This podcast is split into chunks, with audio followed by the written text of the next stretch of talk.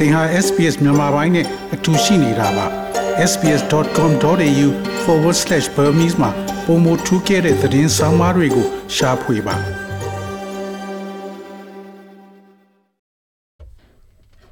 ဩစတြေးလျနိုင်ငံဩစတြေးလျနိုင်ငံမှာတည်တန်းစာထားရှိဖို့ဘာကြောင့်အရေးကြီးတယ်လဲဆိုတဲ့အကြောင်းကိုတင်ဆက်ပေးမှာဖြစ်ပါတယ်။ ဩစတြေးလျနိုင်ငံကလူအများပြားဟာတည်တန်းစာထားရှိခြင်းရဲ့အရေးပါမှုကို short တွဲကြလိရှိတယ်လို့သူတေသနာတွေမှာဖော်ပြထားပါတယ်။ကျွမ်းကျင်သူတွေကတော့မိမိဘယ်အသက်အရွယ်ပဲရောက်ရောက်ဘာလူမျိုးပဲဖြစ်နေပါစေအနာဂတ်မှာမိမိချစ်ခင်ရသူတွေစိတ်အေးရဖို့အတွက်တည်တန်းစာရေးထားဖို့ကအရေးကြီးတယ်လို့ပြောဆိုကြတဲ့အကြောင်းရေးထားတဲ့ Zoe Tomato ရဲ့ဆောင်းပါးကိုတင်ဆက်ပေးမှာဖြစ်ပါတယ်။တည်တန်းစာဆိုတာဘာလဲဘဒူးတွေထားရှိတဲ့တယ်လဲ တည်တန်းစာထဲမှာဘာတွေထည့်ရေးတဲ့တယ်လဲစတာတွေကိုလေ့လာကြရမှာပါ။တည်တန်းစာဆိုတာတရားရေးဆိုင်ရာစာရွက်စာတမ်းတစ်ခုဖြစ်ပြီးမိမိတည်ဆုံးသွားတဲ့အခါမိမိရဲ့အိမ်ကိုဘသူ့ကိုအမွေပေးခဲ့ခြင်းတလဲမိမိသားသမီးကိုဘသူ့ကိုစောင့်ရှောက်စေခြင်းတလဲဘသူ့ကိုတည်တန်းစာအတီးပြုသူဖြစ်စေမလဲစတဲ့မိမိရဲ့ဆန္ဒကိုဖော်ပြထားတဲ့တရားဝင်စာရွက်စာတမ်းဖြစ်ပါတယ် 2015ခုနှစ်မှာပြုလုပ်တဲ့လေ့လာမှုတစ်ခုအရဩစတြေးလျနိုင်ငံမှာတော်တန်ယုံပိုင်ဆိုင်မှုများတဲ့တက်ကြီးတွေကသာတည်တန်းစာထားလေးရှိကြတယ်ဆိုတာတွေ့ခဲ့ရပါတယ်။ဒီကင်တက်ကတိုကပါမောက်ခ Adam Steen ကနေ2019ခုနှစ်မှာလေးလာမှုတစ်ခုလုပ်တဲ့အခါမှာစစ်တမ်းမှာပါဝင်သူတဝက်နီးပါးမှာတည်တန်းစာတွေမရှိကြတာကိုတွေ့ခဲ့ရတယ်လို့ပြောပါတယ်။ basically you get the same things. Most people don't want to engage in the discussion about wills and deaths and estates and all that kind of stuff. There's a large proportion of people. အခြေခံအဖြစ်တော့လူအများစုကတည်တန်းစာအကြောင်းတည်ဆုံးရမှုအကြောင်းအိမ်မြေပိုင်ဆိုင်မှုအကြောင်းတွေကိုဆွေးနွေးပြောဆိုတာမျိုးမလုပ်ချင်ကြခြင်းဖြစ်ပါတယ်။အဲ့ဒီလိုစိတ်နေစိတ်ထားရှိသူတွေအများအပြားရှိနေပြီး90ရာခိုင်နှုန်းဒါမှမဟုတ်90ရာခိုင်နှုန်းနီးပါးလောက်ကိုဖြစ်နေတာလို့ပြောသွားခဲ့ပါတယ်။ ဒီလိုကိစ္စမျိုးကိုဆွေးနွေးတာဟာနမိတ်မရှိဘူးမလိုအပ်ဘူးလို့မြင်တဲ့အတွက်တည်တန်းစာကိုပြင်ဆင်ကြတာမျိုးမလုပ်တာလဲပါဝင်တယ်လို့ပြောပါတယ် What we find is that there's a large proportion of people who don't think that they need a will, and there's also a significant proportion of people who think if they make a will, they're going to die. Some people think we don't have enough money, we're not old enough. ကျွန်တော်တို့တွေ့ရတဲ့လောက်ကတော့လူအများစုကတည်တန်းစာမလိုအပ်ဘူးလို့ထင်ကြပါတယ်။နောက်ထပ်တိတိတသားများတဲ့အုပ်စုတစုကတော့တည်တန်းစာပြင်ဆင်ရေးထားရင် မကြခင်တည်သွားမယ်ဆိုတဲ့အယူဆတွေရှိကြတဲ့အတွက်ဖြစ်ပါတယ်။တချို့ကလည်းငါတို့မှာငွေများများဆဆမရှိလာပါဘူး။အသက်လည်းတအားမကြီးသေးပါဘူးလို့ထင်တဲ့သူတွေလည်းရှိပါတယ်။ အဲ့ဒီလိုအချက်တွေကြောင့်တည်တန်းဆန်ပြင်ဆင်ထားမှုနဲ့ပါတာဖြစ်ပြီးပြည်ပကနေရွှေ့ပြောင်းနေထိုင်ကြတဲ့လူမျိုးပေါင်းစုံဘာသာပေါင်းစုံတွေအကြားတမကအင်္ဂလိပ်စကားပြောတဲ့လူဖြူနောက်ခံကလာတဲ့လူမှုအတိုင်းဝိုင်းအထဲမှာလည်းအလားတူပဲမြင်နေကြတယ်လို့ရှင်းပြထားပါတယ်တယောက်ယောက်ကတည်တန်းစာမထားခဲ့ပဲတည်ဆုံးသွားခဲ့ရင်တည်တန်းစာမရှိတဲ့အတွက်မိမိရဲ့ပိုင်ဆိုင်မှုတွေကို မိမိနေထိုင်ရာပြည်နယ်နဲ့အထူးဒေသရဲ့ဥပဒေအရသက်ဆိုင်ရာကနေဆုံးဖြတ်ပေးသွားမှာဖြစ်ပါတယ်။ရှင်းနေတူဖြစ်သူ Dean ကာလီမီနီယော့စ်ကတော့တည်တန်းစာကိုခြံထားခြင်းအဖြစ်ကြံရည်သူမိသားစုဝင်တွေအကြားပြဿနာမဖြစ်အောင်ရှောင်ရှားစေနိုင်တယ်လို့ပြောပါတယ်။ People think that wills are something that uh, basically concern people nearing the end of their life and uh, not to be morbid about it. You never know when that's going to be. So it's always a good idea to plan ahead.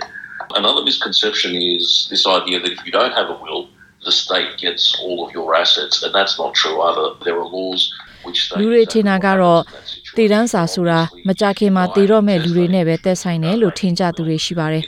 ဒီစိတ်ဒီကိစ္စကိုစိတ်ထဲထားစရာမလိုဘူးလို့ထင်ကြပေမဲ့တကယ်တော့ဘာဖြစ်လာမလဲဆိုတာဘယ်သူမှမသိနိုင်ပါဘူးအဲ့ဒါကြောင့်ကြိုတင်ပြင်ဆင်ထားတာကကောင်းပါတယ်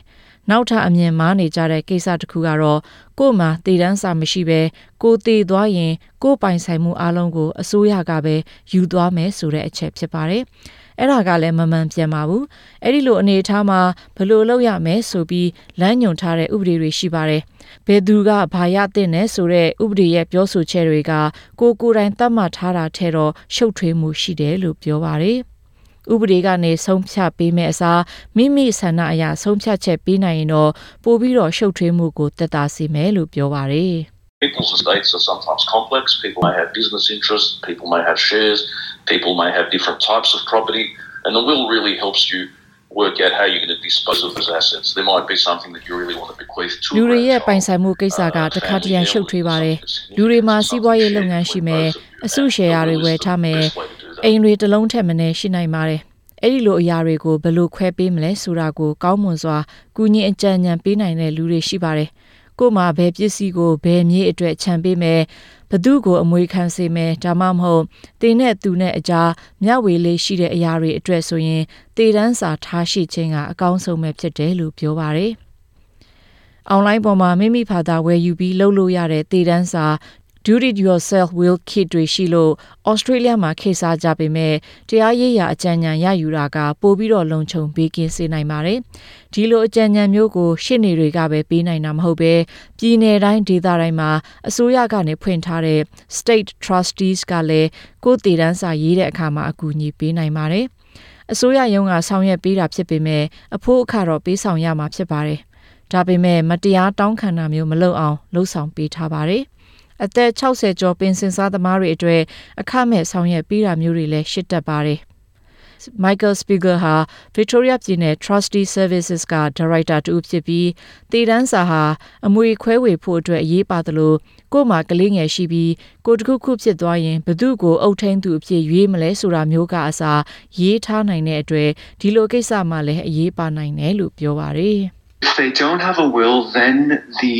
guardianship of that individual is decided upon by the laws of the state, and they, they go down through different relatives that are available and appropriate. All the သူ way တို့မှာ through တည်တန်းစာမရှိဘူးဆိုရင် putting ကြံခဲ့တဲ့ကလေးကိုဘယ်သူကအုပ်ထိန်သွားမယ်ဆိုတဲ့ကိစ္စကို guardianship. ပြည်내အလိုက်ထားရှိတဲ့ဥပဒေကသာဆုံးဖြတ်ပေးမှာဖြစ်ပါတယ်။ Guardianship အဲ့ဒီကနေ taking care of ဘယ်ဆွေမျိုးသား your ချင်းက will, ဖြစ် because တင့်တော်မယ် if not, ဘယ်ဘယ်သူကဖြစ် decision may be made စောင့်ရှောက်မှုလုပ်နိုင်တယ်ဆိုတာကနေ of the legal ကူညီနိုင်မဲ့လူ guardians မရှိ or ရင်ကလေးကိုတခြားလူစီမှာ foster care ဒါမှမဟုတ် assisted guardianship မျိုးအနေနဲ့ကလေးကိုတခြားလူကိုစောင့်ရှောက်ခိုင်းတာမျိုးလည်းဖြစ်နိုင်ပါတယ်။အဲ့ဒါတွေကြောင့်ကိုယ်တစ်ခုခုဖြစ်ခဲ့တော့ကိုယ့်ရဲ့သားသမီးတွေကိုဘယ်သူကစောင့်ရှောက်သွားမယ်ဆိုတာမျိုးကိုတည်တန်းစာမှာရေးထားခဲ့ဖို့ကအရေးကြီးတဲ့အကြောင်းကျွန်တော်တို့ပြောဆိုလေးရှိပါတယ်။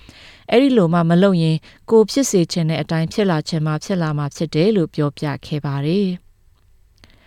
ပြည်ပကနေလာရောက်အခြေချနေထိုင်ပြီးတခြားရွှေမျိုးသားချင်းမရှိတဲ့လူတွေအနေနဲ့အသက်16နှစ်အောက်ကလေးတွေရှိရင်တော့တည်တန်းစာလှုပ်ထားဖို့အရေးကြီးတယ်လို့လည်းပြောပါတယ် So myself, for example, my children are born in two different countries, and when my wife and I set up the will, we we nominated guardians here in Australia because our children grew up in Australia. We thought if we passed away of all that destruction, ကျွန်တော်ဆိုရင်ကျွန်တော်ရဲ့သားသမီးတွေကနိုင်ငံတစ်ခုမှာမွေးကြတာဖြစ်ပါတယ်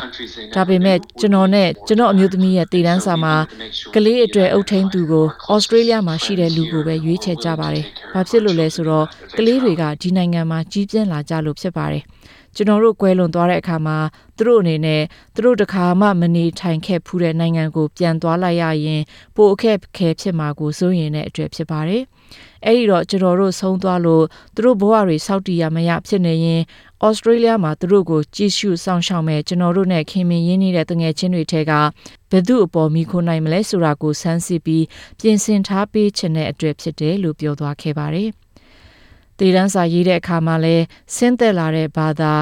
လူမျိုးရိုးရရင်ကျင်းမှုနောက်ခံအပေါ်မူတည်ပြီးအမွေကိုဘယ်လိုခွဲဝေပေးမလဲဆိုတဲ့အပေါ်တက်ရောက်မှုရှိနိုင်ပေမဲ့တည်တန်းစာထားရှိပေးခြင်းကအများကြီးလွယ်ကူရှင်းလင်းစေတယ်လို့ပြောပါတယ်။ In general situations, it just makes life easier and clearer because people know what the deceased wanted. In some migrant communities, the conception of property itself differs from the Anglo Celtic view. Family property is considered just that, something that everyone gets to share, whereas obviously the Australian legal viewpoint, the အ idea ထွေထွေအခြေအနေအရကတော့ဘဝကိုပို့ပြီးတော့လွယ်ကူရှင်းလင်းစေနိုင်ပါတယ်။ဘာဖြစ်လို့လဲဆိုတော့သေဆုံးသူကဘာတွေဖြစ်စေချင်တယ်လဲဆိုတာကိုလူတွေသိရတဲ့အတွက်ဖြစ်ပါတယ်။ တချို့ပြည်ပကရွှေ့ပြောင်းနေထိုင်သူလူမှုအတိုင်းအဝန်းရဲ့အိမ်ယာပိုင်ဆိုင်မှုအမြင်တဘောထားကဥရောပလူဖြူနောက်ခံကလာတဲ့လူတွေရဲ့အမြင်နဲ့မတူတာမျိုးရှိတတ်ပါတယ်။တချို့ရိုးရာတွေမှာမိသားစုအိမ်ဆိုတာ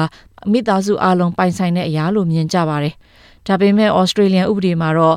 ဒီအိမ်ဟာတင့်အိမ်ဖြစ်လို့ဒီအိမ်ကဒီအိမ်နဲ့ပတ်သက်ပြီးဘာဖြစ်စင်တယ်လဲဘာဖြစ်စေချင်တယ်လဲဆိုတာတင့်မှာဆုံးဖြတ်ပိုင်ခွင့်ရှိပြီးတခါတရံမိသားစုတွေကနေခွဲဝေပေးဖို့ဖိအားပေးတာမျိုးတွေလည်းဖြစ်နိုင်ပါတယ်။တတချို့လူမှုအတိုင်းဝိုင်းမှာတော့အမွေဆက်ခံမဲ့လူတွေက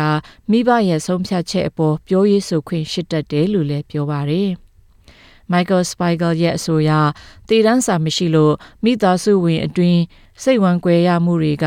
လူမျိုးတိုင်းမှာဖြစ်ပေါ်လေရှိတယ်လို့ပြောပါတယ်။ the deceased person's wishes were not known and were not explained clearly, then it leaves a lot of ambiguity, and that's where we see a lot of conflict. Make sure you have everything in place that you want, and the best situation is not only to ကွယ် have လွန် in သွားသူ place, ရဲ့ but ဆန္ဒ have ကိုမ the သိရဘူးတေချာရှင်းပြမှုမလုပ်ထားဘူးဆိုရင်မတေချာမရေရာမှုတွေအများကြီးဖြစ်စေနိုင်ပါတယ်အဲ့ဒီလိုအခြေအနေမှာပြဿနာတွေအများကြီးဖြစ်စေပါတယ် အဲ့ဒီတော့ကိုဖြစ်စေချင်တဲ့ပုံစံဖြစ်လာအောင်လှုပ်ထားဖို့လိုအပ်ပြီးတော့အကောင်းဆုံးနည်းလမ်းကတော့ကိုဖြစ်ချင်တာကိုရေးထားရုံသာမကမိသားစုဝင်တွေနဲ့ပြောဆိုဆွေးနွေးမှုတွေလှုပ်ထားရင်တော့မထင်မှတ်ထားတာမျိုးဖြစ်လာစရာအကြောင်းမရှိတော့တာမို့အကောင်းဆုံးပဲလို့ပြောပါတယ်။ online ပေါ်က will kit နဲ့ပဲမိမိရဲ့တည်တန်းစာကို ပြင်ဆင်ခဲ့တယ်ဆိုရင်တော့ရှင့်နေတူနဲ့ဖြစ်စေ public trustee တူနဲ့ဖြစ်စေစစ်ဆေးမှုလောက်ခိုင်းလို့ရတဲ့အကြောင်းကိုလည်းတင်ဆက်လိုက်ပါရရှင်။ဒါမျိုးသတင်းဆောင်မတွေကိုပိုနားဆင်လိုပါလား Apple Podcast Google Podcast Spotify တို့မှာသင်ပင်ရာဖြစ်ဖြစ်ရယူတဲ့ podcast ကနေပါ